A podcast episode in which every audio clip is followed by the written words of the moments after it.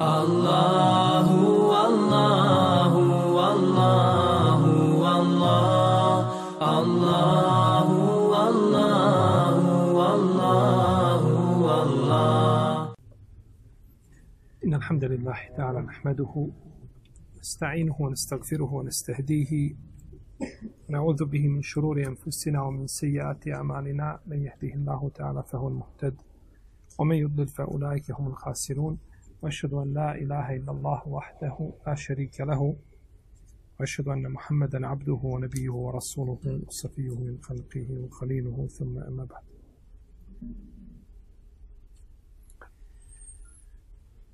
Zabilježili su imam Ebu Davud, Siđistani, Ibn Mađe, Al-Kazuini, svaki u svome sunenu sa vjerodostanim lancem prenosilaca. Od Abdullaha ibn Omara radijallahu anhuma da je poslanik sallallahu alaihi sallam rekao men kale fi mu'minin ma lejse fihi eskenehu Allahu redgate l-habali hata jahruđe mimma kal. Kaže, ko kaže o vjerniku ono što nije pri njemu, Allah će ga nastaniti u redgatul habal dok se ne riješi onoga što je kazao, dok se ne oslobodi ti riječi koje je rekao. Dok, znači, ne bude kažnjen za njih adekvatno. A redgatul habal, kažu islamski učenjaci, to su to je sve što se cijedi iz tijela džehennemlija poput krvi, poput znjoja, poput njoja, poput, ne znam. Svega što ima, to je, to je Radgatul Habal. Tu će ga nastaniti uzvišeni Allah. Zato što je rekao vjerniku ono što nije pri njemu. Rekao si o čovjeku, čudan je on tip. A, ništa strašno. Ili rekao si nešto gore, Namazan je on, premazan u stotinu boja. Ovakav je, onakav je. Kažeš riječi koje su jednostavne kod tebe.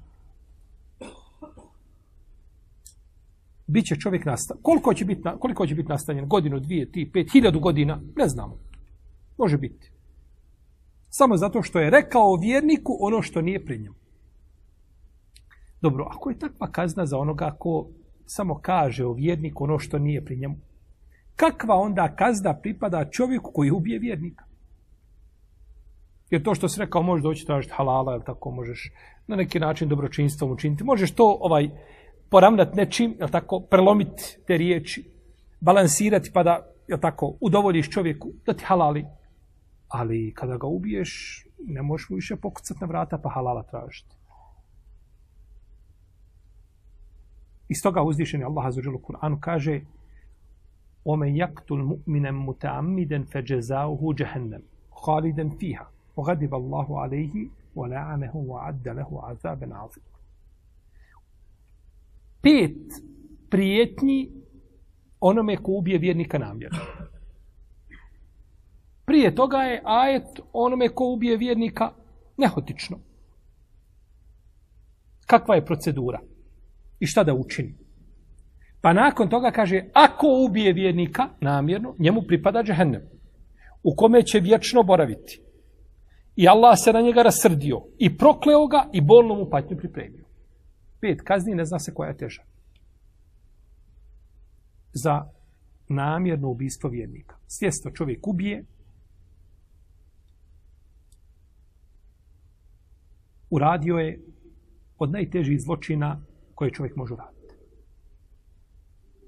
Kod Buhari i kod muslima ima predanje da je Elahnef ibn Kajs poznati tabin, uzeo sablju i krenuo. Pa ga je sreo Ebu Bekra. Taj časni ashab. Ime mu je Nufeja ibn al-Haris. Nije Ebu Bekr. Ebu Bekra je drugi ashab. Kaže mu, kuda ćeš? Kuda si krenuo? Kaže, ansuru hadar rađul. Idem, kaže, da pomognem čovjeka koji je na istini, misli na Aliju radijallahu anhu. Idem da pomognem Aliju. Kada je bila a, Mareketul Džemel, bitka deve, nazvana je tako zato što Ajša radijallahu anha došla sa, iz Medine je došla na devi do Basre sa Talhom i sa Zubeirom ibn Lavamu i ostalima. Došli da se pomire. Da se dvije skupine pomire, nisu došli da ratuju. A sahabi nisu ratovali. Nego su i munafici uvijek nastojali da među, njima, da među njih ubace mržnju i nekakve nesuglasice da bi došlo do rata. A sahabi nisu i na kraj pameti imali da jedni druge ubijaju.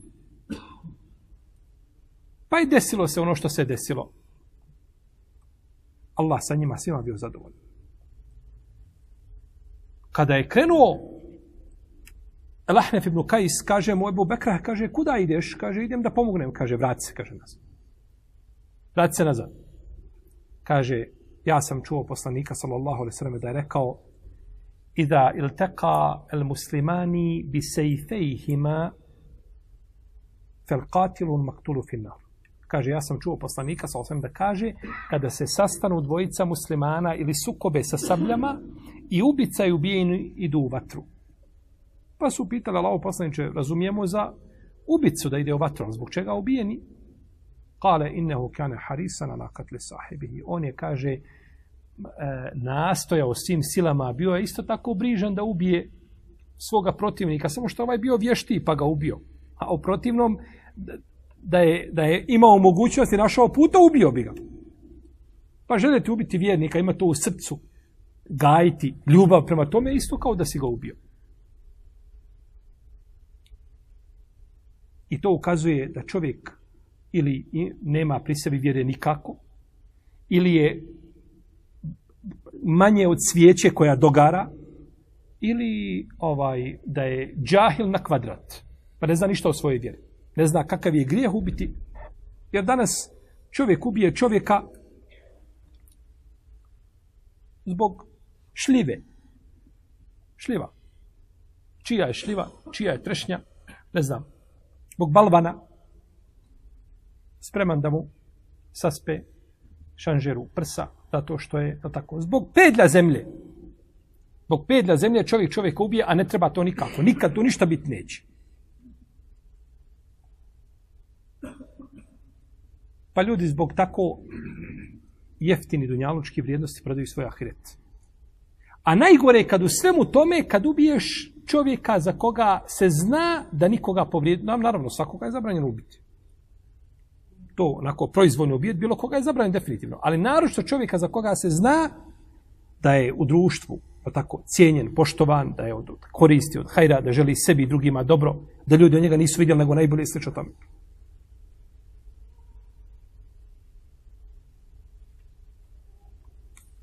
Došlo je u hadisu Ebu Darda radijallahu ta'ala anhu, koga bilježi imam Ebu Davud i bilježi ga isto imam Hakim. Sa vjerodostanim lancem da je poslanik sallallahu alaihi sallam rekao kullu zembin asa yukfar illa men mate mušriken eu mu'minun jaktulu mu'minen mutammiden. Kaže, očekivati da će Allah sve grijehe oprostiti. Osim onome ko umre kao mušrik, kao poklonik, ili kaže vjernik koji ubije vjernika namjerno. Od toga nema, znači, to zaboravi. Uradio je, znači, stvar koja je puno veća od toga da bude oproštena.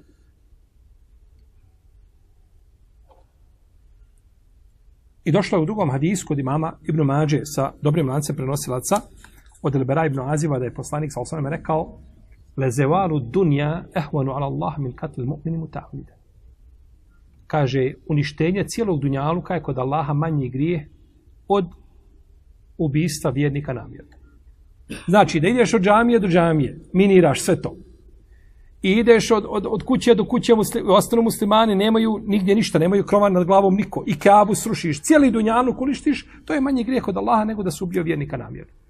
Jer ovaj dunjaluk sam, I sve džamije što imaju stvarno radi vjernika.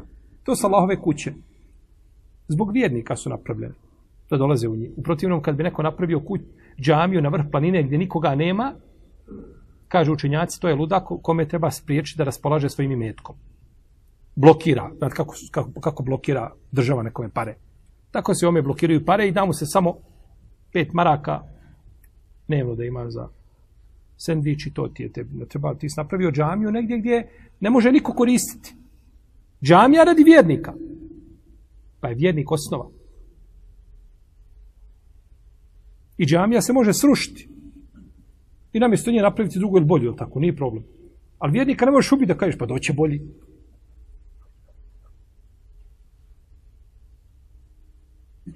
Od najtežih grijeha, znači kod uzvišenog Allaha jeste, pa kao kaže uzvišeni Allah, jeli, u, a, a, من أجل ذلك كتبنا على بني إسرائيل أنه من قتل نفسا بغير نفس أو فساد في الأرض فكأنما قتل الناس جميعا Kao da je cijeli dunjaluk čovjek pobio. Jer ko je spreman da ubije jednog čovjeka, spreman je da ubije stotinu. Pa kao da je sve, kao da je sve ljute, kao da je sve ljude, jeli, pobio. Čak je rekao poslanik sa u hadisu, Abdullaha ibn Amra radijallahu anhuma, kod Buhari u sahihu, kaže, men katele nefsen muaheden, lem jerih rajhat al.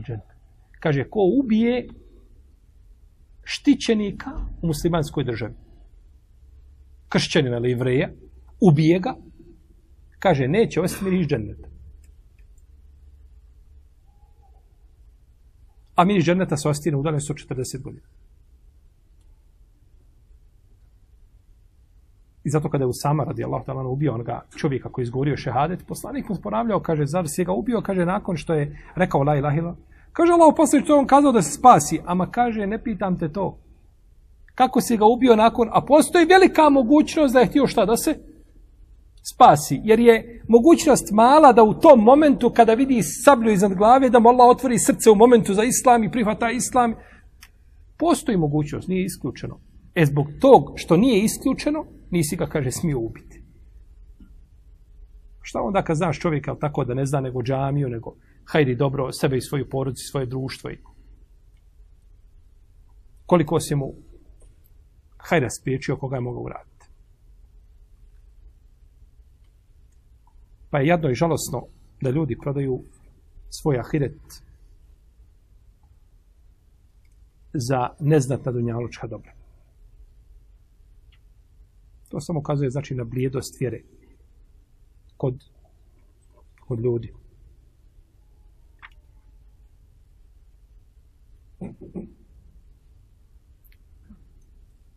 Razlozi za to sigurno veliki. Postoje brojni razlozi. Ali osnovni razlog to je zato što ne postoje adekvatna kazna. Malo je oni koji bi kazali ja sam spreman da ga ubijem, nek odmah budem ubijen. Tih je malo. On može pričati jezikom ovako u društvu, kad sjedi, kad se kahva pije, pokazati svoju hrabrost, ili tako. Spreman sam. Zato kaže, ja sam spreman da ga odložim. Pa jesi spreman da ga odložiš, jer ćeš tamo jesti bolju hranu nego što imaš kod sebe, ali tako iziđeš na bildan sav iz zatvora, ali tako gajete tamo, pazete, i iziđeš napolje i na, nakon toga nastaviš biti bandit kao što si bio. Osložiš dvije trećine, ovaj, jel tako, jednu ti dobiješ pomilovanja zato što si bio dobar tamo negdje I još ako nađeš dobrog advokata, riječi tog da te može izvući, povuci malo s ove strane, malo s ove strane, navučeti, ali tako, s par godina ćeš proći, opet ideš nakon toga sutradan, kaže, ja sam spreman da ga odležim. Jesi li ti spreman da svoju glavu daš za njegovu? Malo bi takvi bili.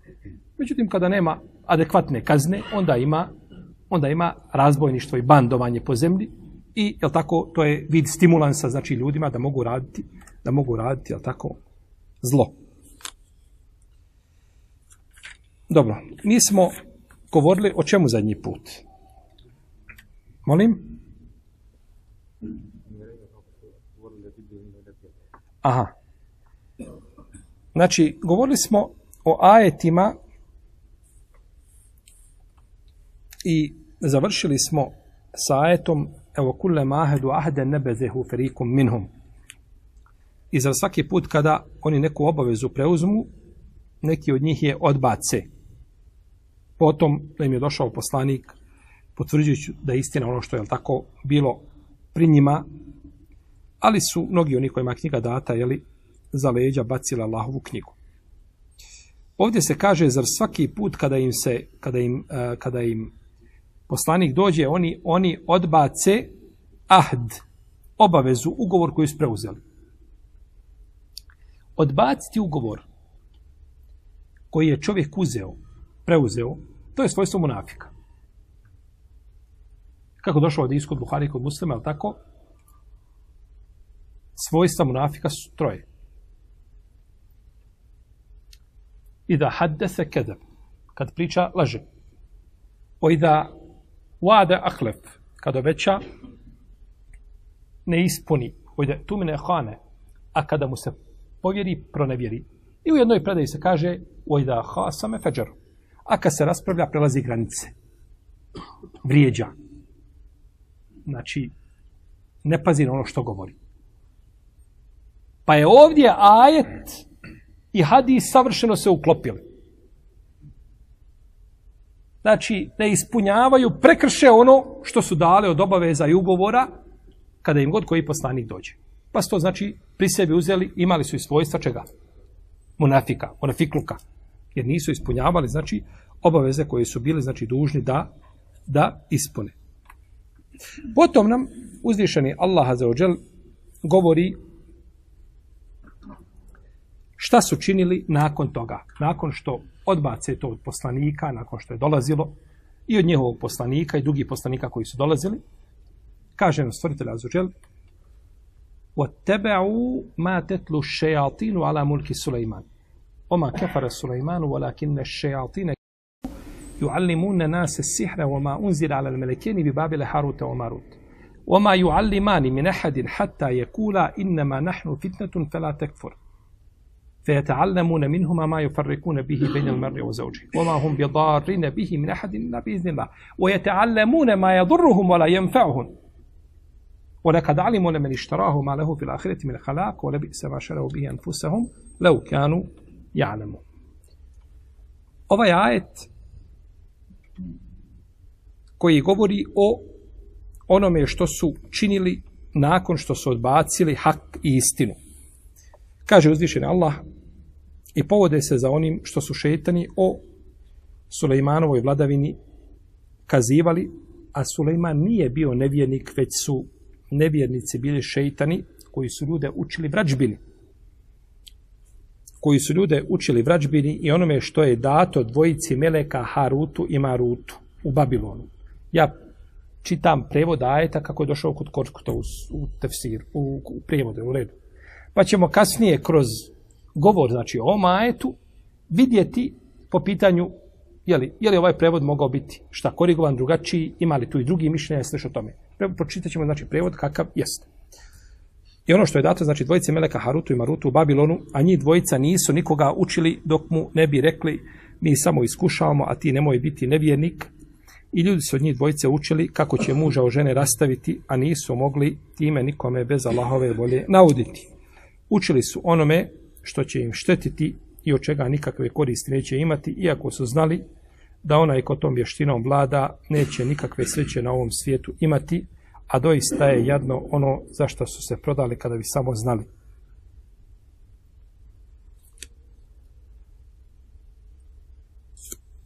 Od tebe omatetlu šejalti od tebe u matetu šeatinu ala mulki Sulejman. I oni su povodili se, slijedili su, preferirali ono što su šeitani govorili u, o Sulejmanovoj vladavini. Ovdje nam uzvišeni Allah azuđel govori o skupini Benu Israila koji su odbili da prihvate Allahovu knjigu, bacili iza svojih leđa, zapostavili je, Pa su se morali okrenuti onda batilu, budući da su ostavili hak i istinu, mora se čovjek okrenuti neminovno batilu. A taj batil je bio jedan od najvećih batila i ništavštine koja može biti, a to je sihr. Pa su, znači, slijedili, pa su a, bavili se sihrom. Kaže imam Sudi, Ismail Sudi, on je od učenjaka prvog i drugog šitskog stoljeća. On je umro 127. heđarske godine. Veliki mu Fesirovog umeta. Kažu neki da je bio učeniji po pitanju Kur'ana od imama Šabija. Kaže da je kada su vidjeli sledbenici Musaovi, koji su pripisivali su Musao Benu Israel, tako kada su vidjeli da Kur'an i Tevrat da se njihova, njihovi stavovi, njihovi pogledi poklapaju, da je to jedno te isto, onda su odbacili Allahovu knjigu iza svojih leđa i uzeli knjigu od Asifa. Asifovu knjigu su uzeli, počeli se njome baviti i počeli su iz nje čitati i počeli su iz nje izučavati. Uh, sihr Haruta i Maruta. A vidjet ćemo kad budemo došli do toga, mi sad govorimo ovako kako kažu učenjaci. A kad dođe do toga sihr Haruta i Maruta, o tome ćemo posebno pričati, vidjet ćemo je li to sihr Haruta i Maruta, ko su bili Harut i Maru- Marut i šta je značenje ovoga ajeta. Jer ovaj ajet je malo, e, ima, e, ovako kada se pročita, dobije se jedna, možda na prvi pogled nejasna slika šta se cilja ajetom i možda na prvi pogled čak i neprihvatljiva slika. Pa ćemo, inša Allah, u naša dva, eventualno možda tri predavanja, ako uspijemo u dva završiti, ne u trećem, onda ćemo razjasniti, znači u potpunosti šta se ciljalo ovim ajetom, tako da ne bude te nejasnoće. Pa su, kaže Mohamed ibn Ishak, a, da su sledbenici ili učenjaci od Beno Israila kazali Mohamed misli da je sin Davudov, misle na Sulejmana, bio poslanik. Misle da je bio poslanik. Kažu, on nije bio poslanik, nego se bavio sihrom. Ovo su govorili jedan dio učenjaka, nisu svi. Jedan dio učenjaka je govorio, kaže, on se je bavio sihrom. Pa je uzvišen Allah objavio, znači poslanik priča, spominje u pričama, kuranski spominje koga? Sulejmana i Davuda, alaihim salam, pa su kazali, "Pa što spominješ Sulejmana, pa on je bio obični vračar. I on bio poslanik. Pa je onda uzvišen Allah objavio od tebe umate tu šeatinu ala mulki Sulejman.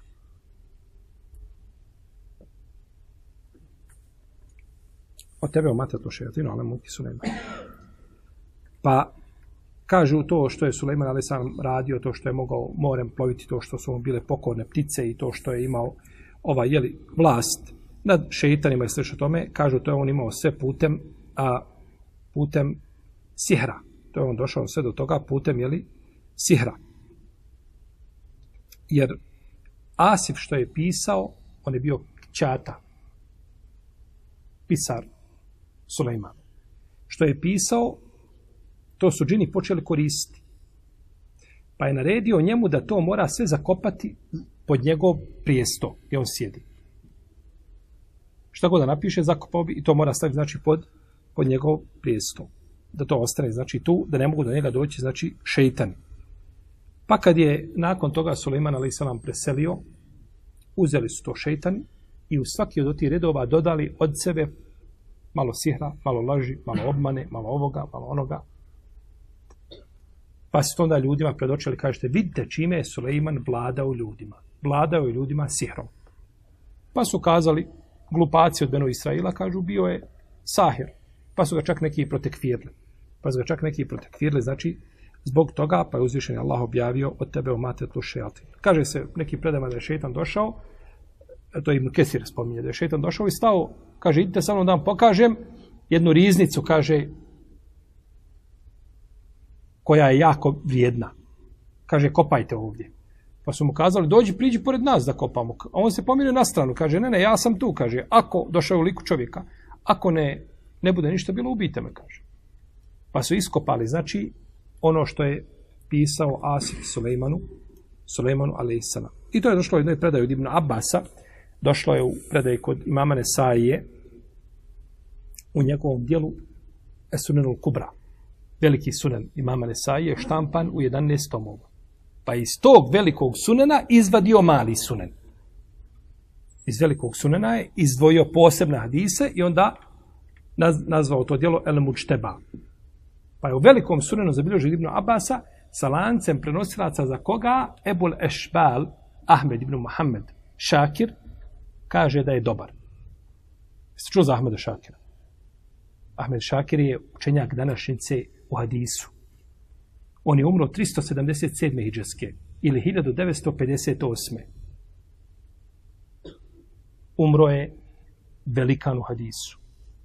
Šeh Albani spominjao nekim svoj, čitao sam nekim njegovih dijela, ne znam gdje je tačno, kaže, sreo sam se sa njim u Medini te i te hijđarske godine, pa smo, kaže, raspravljali u jednom hotelu oko nekih pitanja hadijski i tako dalje. Samo što on, jer Šeh Albani je posle njega živio, ovaj, više od 40 godina. 42 godine živio nakon njega. Kaže za ovo predanje da je dobro od Ibn Abbasa. Da je rekao, znači da su, da je to sve bilo pokopano pod prijestoj, tako, Sulejmanov, pa da su to onda nakon toga, kada su izvadili da se šeitani time poigravali, pa da su nakon toga, kad su to vidjeli ljudi koji su bili u to vrijeme, kaže, vrijeđali su Sulejmana, ali. Pogledajte, kaže, Sulejman se bavio sihrom. Sulejman je vladao ljudima sihrom. Pa je uzvišen Allah azuđel očistio Sulejmana od takvih od takvih potvora. I ovo je hali stanje posebno običnog svijeta. Jer obični svijet sudi emotivno, dođe mu vijest jedna, povjeruju u nju i na osnovu te vijesti koja je neprovjerena, donosi se sud o ljudima, pa čak i o najboljim, čak i o poslanicima.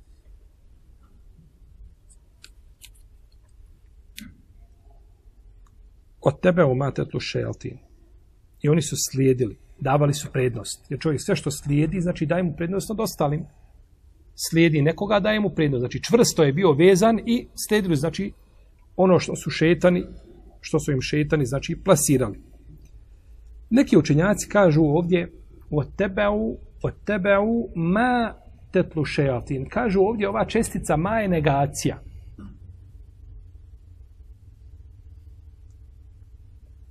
Slijedili su ovdje kaže slijedili su a šeitani nisu govorili o, o Sulejmanovoj vladavini. I naravno ovo razumijevanje je pogrešno. Značenje i povode se za onim i slijede ono i preferiraju ono što su šeitani govorili o Sulejmanovoj šta? Vladavini. Da je Sulejman bio šta? Sihirbaz. Da je bio sihirbaz, da se je bavio sihrom, da je tako vladao ljudima. I to se onda dokazalo onim što su znači napisali, ali tako, između redova gdje su dodavali, znači, tako da je ovo, ovo negaciju, ovo je, ovo je odbacio je veliki mufesir Ebu Bekr ibn Arabi, on je šejh imama Kurtubija. Šejh imama Kurtubija. Odbacio ovako tvrd. Šejatin. Šetani,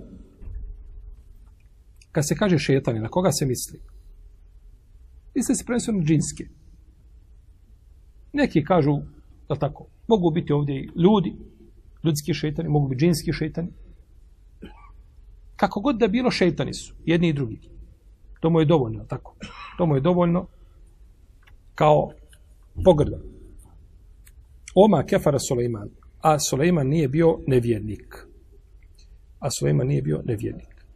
Ovdje je uzvišeni Allah očistio Suleimana od potvore i potvrdio čistotu njega od svega što mu pripisuju. Ali ovdje se kaže Oma kefara Suleimana. Suleiman nije bio nevjernik. Dobro, je li neko rekao da je bio nevjernik? Nije. Zašto se onda kaže Suleiman? Nije Suleiman bio nevjernik. Zato što su oni pripisujući njemu sihr, indirektno mu pripisali šta i? Kufr. Jer doćemo do toga da vidimo znači, pitanje sihra i kufra i veze između toga, ali to je indirektno znači kazano. Tako.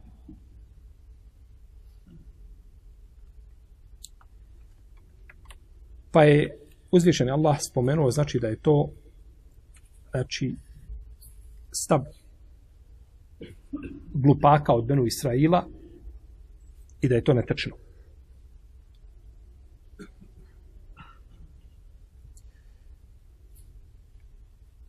ولكن الشياطين كفروا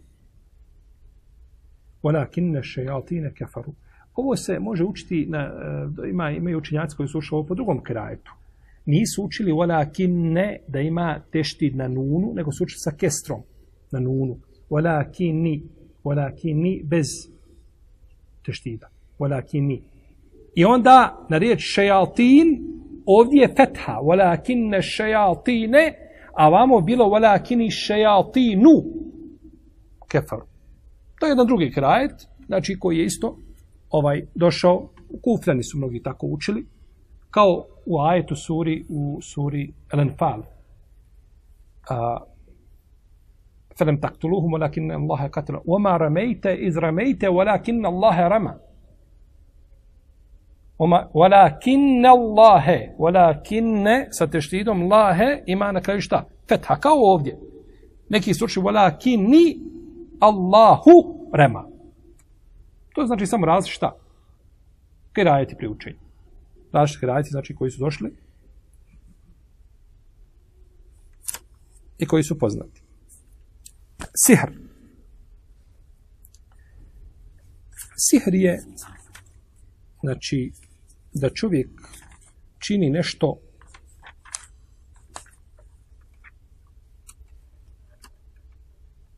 pričinjava mu se da se nešto dešava. Ali ovu riječ pričinjava se, stavite pod navodne znake. Jer ona će vam trebati kad dođemo do stavamo tezila. Znači, nešto, se mu, nešto mu se pričinjava da se dešava, u stvari to se ne dešava. Pa, kao čovjek, kao Fata Morgana koja može biti čovjek, je tako. Čovjek koji plovi lađom, pričinjava mu se da, da, da, onako ide, da, da i obala ide sa njim, da to sve ide naprijed. Pa se sihr pravi čovjeku da mu se čini da nešto da se nešto dešava što je suprotno stvarnosti. To je sihr u jednoj njegovoj formi. Neki učenjaci kažu da je to uzeto iz riječi sahartu sabi, opsihrio sam dijete, misli se prevario sam. Prevario sam ga.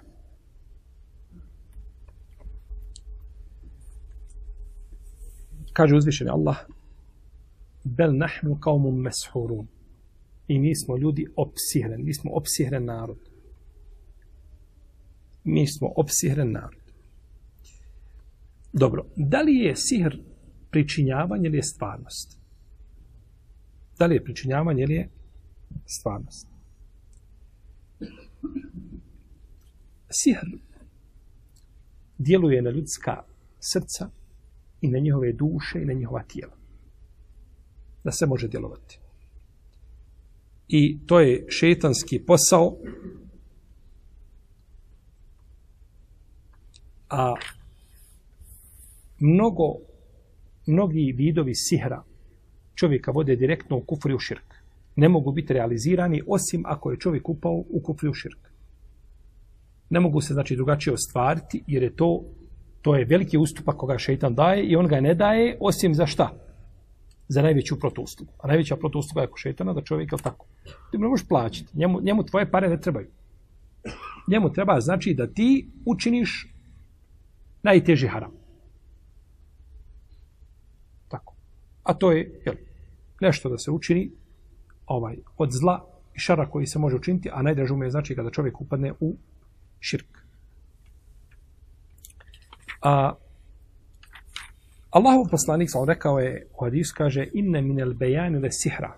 Kaže u istinu u lijepom govoru, u riječitosti ima magija, ima sihr. U lijepom govoru ima šta? Sihr. Ove riječi, a, da u lijepom govoru ima sihr, to je tako kada čovjek priča, nekome govori, u batilu najvećem, i on taj batil okrene, u istinu okrenete u svoj korist. Uradio zlo, svakoga vidi da uradio zlo, i lijepom pričom, riječitošću, on poklopi sve oko sebe i ispadne on na kraju uvijek pobjednik iziđe. To je taj, taj sihr, je tako, koji je priznači riječitost. Dobro. Ovaj ovdje hadis, kada se kaže da u lijepom izražavanju ima sihra, je li ovaj hadis došao kao pohvala lijepog izražavanja ili pogrda? Prednite razilaženje među činjacima. Hadis se razilaze oko tefsira ovoga hadisa. Poznato kod malikijskih učenjaka je da je ovo pogrda da je ovo pogrda. Jer se kaže šta?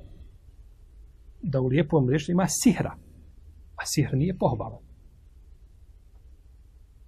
U lijepom izražavanju ima riječitost, ima, ne znam, stilistika, ima nešto, možda se ovaj, ali da se kaže sihr, kažu to je pogrda. To je pogrda. Znači što ima hadis od poslanika, sam da je rekao, a, a inne abgadakum ilaje jaumel qiyameti Esercarun, el mutefejhiqun. Najdalji od vas na sudnjem danu od mene će biti oni koji su sersarun i mutefejhiqun. To je isto otprilike, znači to su ljudi koji puno pričaju. On priča, on to uljepšava, ukrašava. Pa kažu, ti će biti nadalje od poslanika i oni su šta? I onda je to došlo kao pogrda. Onda je to došlo kao pogrda. Ima od Ajše se radi Allah, na prenosi hadis da je poslanik sa osaneme rekao a, da je upitan o pjesništvu. Pa je rekao huwa kelamun hasanuhu hasanun o kabihuhu kabih. Kada je upitan o pjesništvu, kaže to su riječi. Lijepe riječi su lijepe, a ružne su ružne.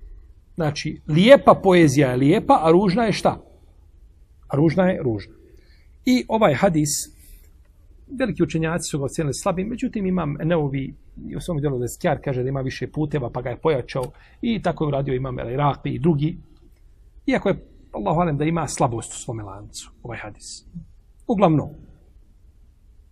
ovo bi bilo u značenju kao kada kažemo šta? Zaista je u lijepom izražavanju sihr. U lijepom izražavanju koje neće predstaviti batil hakom, a hak batil. Jel u redu? Pa, jedan dio učenjaka, kažemo malikijski najviše, zato što ima Malik stavio ovaj hadis u poglavlje, šta je pogrdno od riječi. Šta je pogrdno od riječi na slovije poglavlje, pa je stavio šta ovaj hadis po to poglavlje. Pa su onda malikijski učenjaci uzeli od svoga imama, sljedeći da je to šta? Da je hadis došao kao pogrdno. Međutim, većina islamskih učenjaka, džumhur, kaže da je ovaj hadis došao kao pohvala. Kao pohvala lijepog šta? Izražavanja i lijepog govora. Kaže imam Ibn Abdel Bar, kaže to je stav većine islamskih učenjaka. A kaže Ibn Battal, a oni su jedan i drugi malikije, kaže kako može doći, kaže kao pogled ovaj hadisa, uzvišeni Allah kaže halakal insan allemehu l-bejan. El-bejan je svom inne min el-bejani ve sihra. Sihr je u bejanu, lepom izražavanju. A kaže uzvišen Allah, kaže, stvorio je čovjeka, poučio ga je šta? Lijepom govoru, izražavanju. Pa kaže, ne može, kako može biti? Pa nisu prihvatili nužno mišljenje imama Malika.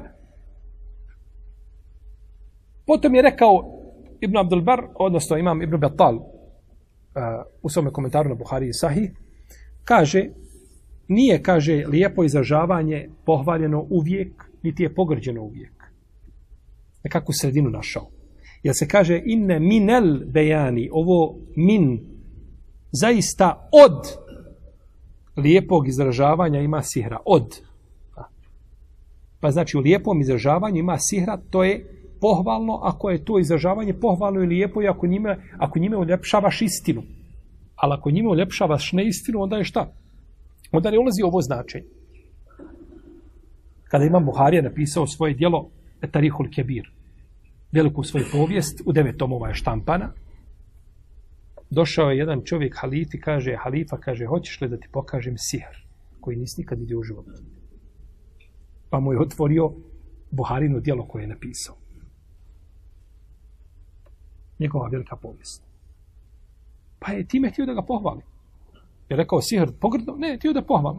Pa džumhur uleme kažu da ovaj hadis hvali, naravno, mora se izuzeti iz toga, pohvala da bude lijepog izražavanja, a, da se želi neistina prikazati istinom, ovaj, to je naravno ne može ući nikako u ovo, u ovo značenje.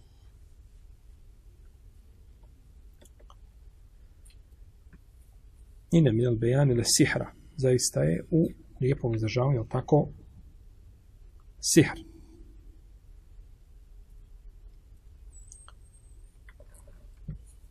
Od sihra ima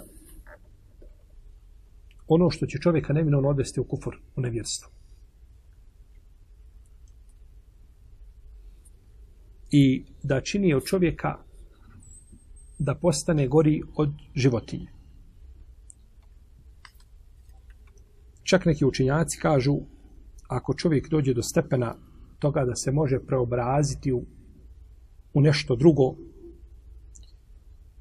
i da može preći kratke kratka rastojanja za brzo vrijeme. Što čovjek putuje mjesec, on pređe za treptaj oka za par sati. Da čini sliš o tome, kažu to je nevjerstvo. Iako je ovo problematično nazvat nevjerstvom ovako. Međutim, kažu, to su a, to, to su više liče na muđize poslanika. Pa bi zbog toga su i nazvali šta? Nevjerstvom. Zbog toga su i nazvali nevjerstvom.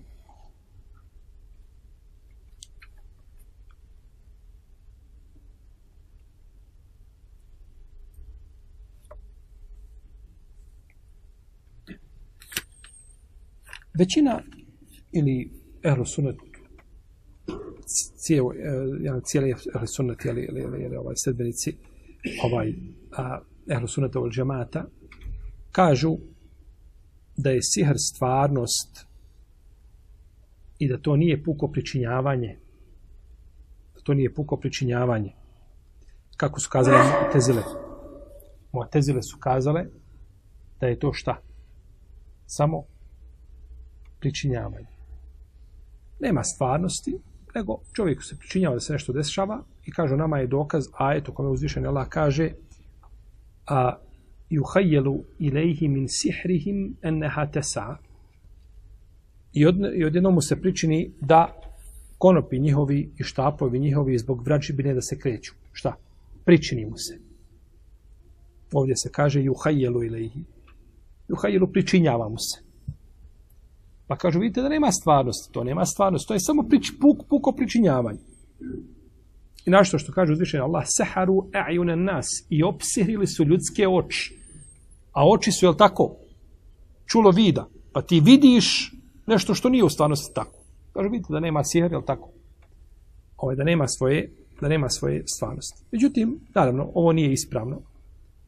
Ovo tumačenje na ovakav način je ispravno. Zato što a, postoje argumenti dokazi da je sihr više od toga i više od onoga što je spomenuto znači u ovim, u ovim jeli, ajetima. Jer uzvišen Allah kaže ovdje u ome ajetu da se po, oni se poučavaju sihru. Ako je to samo pričinjavanje, nema se onda čemu poučavati. Znači, to je nauka koja se uči, je li tako? Pa ima, znači, svoju stvarnost. I kaže uzvišeni Allah, ođa'u bi sihrina azim i pripremili su veliku vrađbinu. I pripremili su veliku vrađbinu. I kada je opserio Lebid ibn Asam, poslanika, sallallahu sallam, u Medini, jevrej, koji ga je opsihrio, a je tako, kada je našao da je to u bunaru, pa je ostavio kako jeste, kaže, mene Allah iz toga, od toga izliječio. Mene Allah od toga izliječio. Ako je to bilo samo pričinjavanje, nema potrebe da liječi Allah od toga. To je pričinjavanje koje je spričinilo i nakon toga ideš svojim putem. Ne, ne kaže Allah me od toga izliječio. Pa je znači sihr i ono što stvarnost potvrđuje, tako da je sihr puno više od samog pričinjavanja. Jer kad kažeš pričinjavanje, to nema stvarnosti. To nema svoje šta? Stvarnosti. Pa je sihr više znači od, od toga.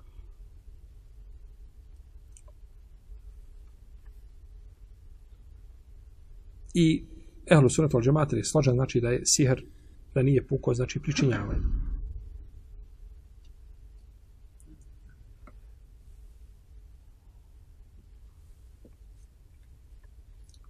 Dobro. Nije isključeno da čovjek koji je sihirbaz, da ponekad može, da mu se može desiti i da ima nekakve ovaj postupke koji liče, koji ljude mogu obmanuti, koje mogu ga predstaviti kao da je on ovaj poznavao zgajba ili da može nešto uraditi što ne mogu ostali ljudi, što su činili poslanici i tako dalje. Iako se te muđize razlikuju od sihra ali a, to što može učiniti, što ne mogu drugi ljudi uraditi, ne znači da ne može niko od ljudi. I to je razlika između koga? Sihra i ono što poslanik uradi, to ne može niko drugi učiniti. A ono što sihirbaz uradi, to može uraditi jedan čovjek ili dvojica ljudi ili, ili jedna skupina i tako, i tako dalje. Pa, autor spominje ovdje, kaže, može se desiti, kaže, da kaže, tako, kaže, svoje tijelo stanje, kaže, da može proći kroz najmanji rascijep. Vidite danas ove sihrbaz, zaveže ga tamo nekakvu kutiju, nekakvim lancima, baci ga negdje u more i on se izvuče sam. Isti, to su i prije tebe radili. Znali ono što i ti znaš. Pa se izvuče, znači, iz te kutije ili kaže da može hodati po tankom, tankom nekakvom užetu. Užen kako, tanko preko između, ne znam, nekakav kanjon, dvije planine, on će preći preko toga. Sve što mogu, sve što su radili, što su danas radili, to su radili, znači, i to su radili prije toga. Da lete po vazduhu, da ima i kaže uzeše psa i pas ga odnese kao konj, kao konja da jaše. Pa su sve to znači činili kaže Sufjan prenosi od Amara Ezehebija. Kaže da je jedan sihirbaz bio kod Volida ibn Ukbe pa bi kaže a, hodao tako po tankom užetu i kaže ulazio bi kroz usta magarca uđe i iziđe njegovu stražnicu.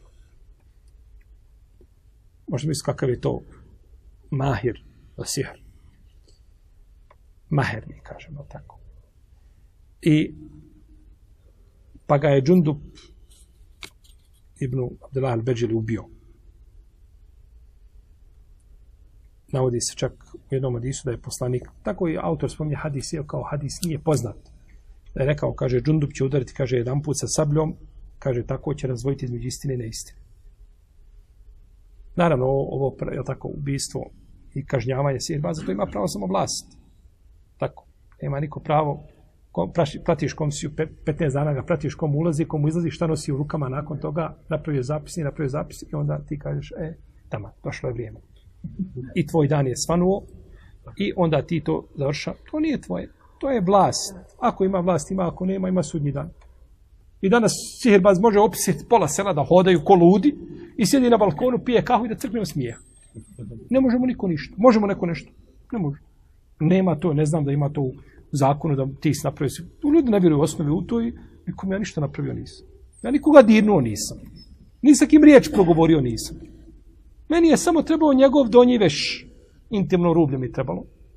Ništa mi drugo ne treba. Ja ću to odraditi. Zato što se ne tretira opće, je tako, zločinom. Navodi imam Buhari u svojoj povijesti da je Džundup ovaj tako ubio kada ovoga ubio rekao je kaže a vidio je kaže jednog sihirbaza koji ljudima glave reže i vraća i ponovo nazad. Glavu mu odreže i ponovo jel, to se nekako izvede kao ovi što danas rade ništa tamo ga probada ga negdje u stvari ne probada on njega nego to pa je Džundu buzio pa mu odrezao glavu kaže nek vrati svoju kaže nazad. Ako je vješt neka vrati svoju nazad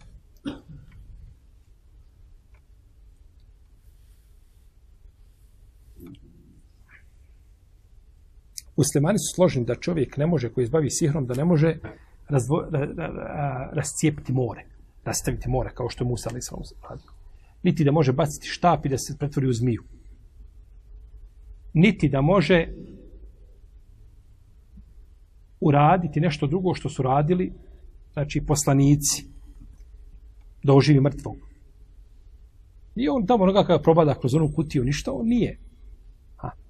On ništa nije uradio. Ja skoro s jednim momkom pričao koji s time bavi. Bavi se s tim ovaj. Kad dođe, kad šta, ovaj, šta radiš?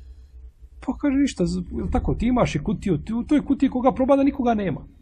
Probode ga sa kopljima sa 300 strana, ne može unutra ostati, znači, ni, ni, ni, ni, jaje ne može biti da, da ga ne, ne razbije. I nakon toga se to povadi, on iziđe iz kutije, u stvari on u kutiju, on je dole negdje sakriven, nema veze, Kaže, ali to je, kaže, naša sposobnost, kaže, da mi ljude prevarimo. Naša sposobnost da mi ljude šta? Prevarimo. Pa smo ga odrećali od toga, jeli, da se ne bavi tim radnjama, pošto je to, to je sve, nije tu samo sihr, to je prevara, to je opet jedna druga vrsta. To je, znači, prevara, to su obmane kojima se bavi. Kaže Ebu Bekr ibn Arabi, ne može po konsensusu učenjaka on rascijepiti more. Jer to je već, to je poglavlje muđiza. Niti može da, da se šta kaže, da nije, kaže, konsensusa, ja bih, kaže, rekao da može. Ali budući da postoji jednoglasan stav islamskih učenjaka, kaže, reći ćemo da ne može. Jer tamo gdje se ulema složila definitivno, ne može to biti šta? Nego istina. Pa znači nisu, uvijek čovjek može znači napraviti razliku između koga? Između siherbaza i između, znači, između poslanika. I to je vidno, jer je muđiza uvijek jača. Muđiza Musa alaih nadječala je sihr koga? Sihr baza koji su tako bacili ovaj, tako, ovaj, svoje užadi, svoje kanape, pa je to sve zmija progutala. Pa je razlika znači između jednog i drugog i razlika u tome je što a, sihirbaz ne zagovara poslanstvo. Sihirbaz ne kaže da je poslanik. Nego se bavi znači sihrom. A poslanik zna se čemu poziva, ima uz to poslanicu prije njega koja je bila ili, ili ako je poslanik da ima svoju poslanicu i slično tome, a to sihirbaz isto ne radi, niti izaziva ljude, znači niti ih poziva, niti izaziva da ljude dođu nečim, nego sihirbaz to radi, znači radi svoje nekakve ili koristi. Dobro. Imamo ovdje propis sihirbaza.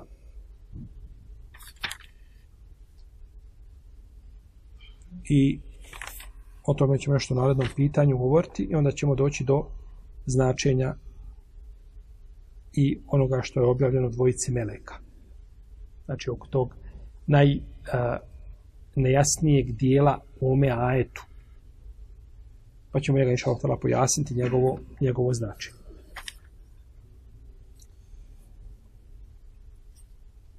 Allah ta'ala nam sallallahu ala nabina Muhammed wa ala alihi wa sahbihi